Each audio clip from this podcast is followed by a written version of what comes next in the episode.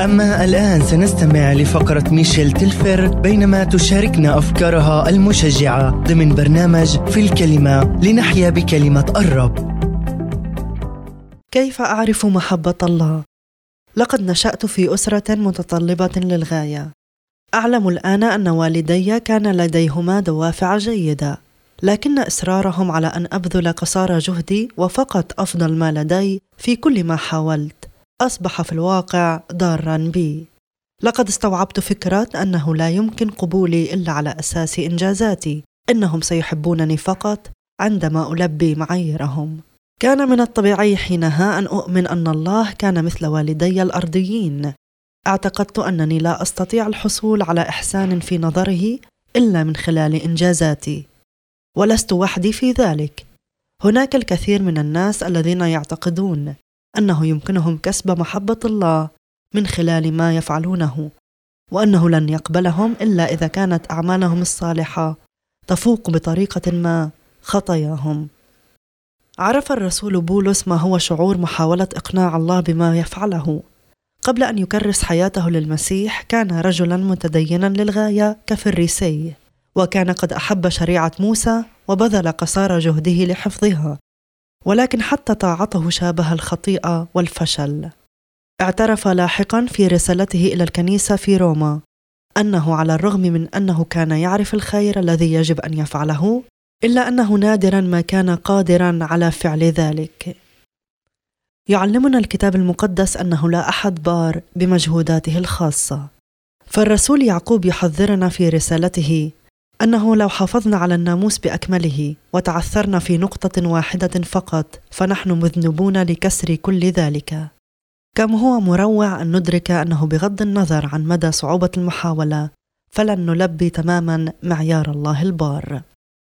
كان هذا الإدراك هو الذي جعل بولس يصرخ ليسوع ليغفر له.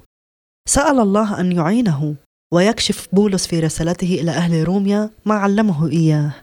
إن البر هبة من الله وأنه بالإيمان من أوله إلى آخره. تأتي عطية البر الرائعة هذه من محبة الله لنا وليس من مطالبه.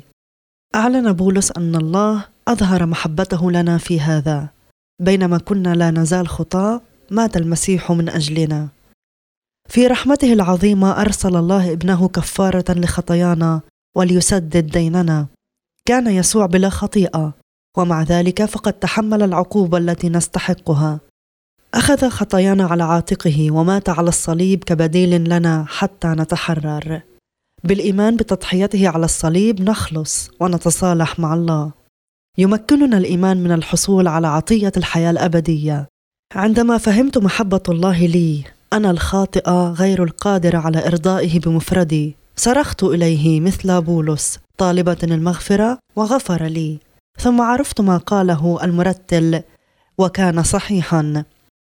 طوبى لمن غفرت ذنوبهم أو آثامهم وسترت خطاياهم. طوبى للرجل الذي لن يحاسبه الرب على خطيته. لكل من يطلبون المغفرة عن خطاياهم المسيح وحده الذي يستطيع أن يمنح ذلك ويمنح حياة جديدة فتصبح جزءا من عائلة الله وعندئذ تصبح ابنه المحبوب. الذي يطيع بإرادته وبفرح أوامر أبيه السماوي وليس لكسب رضاه ولكن لأن لديه رضاه في قلبه. يا له من فرق تحدثه محبته.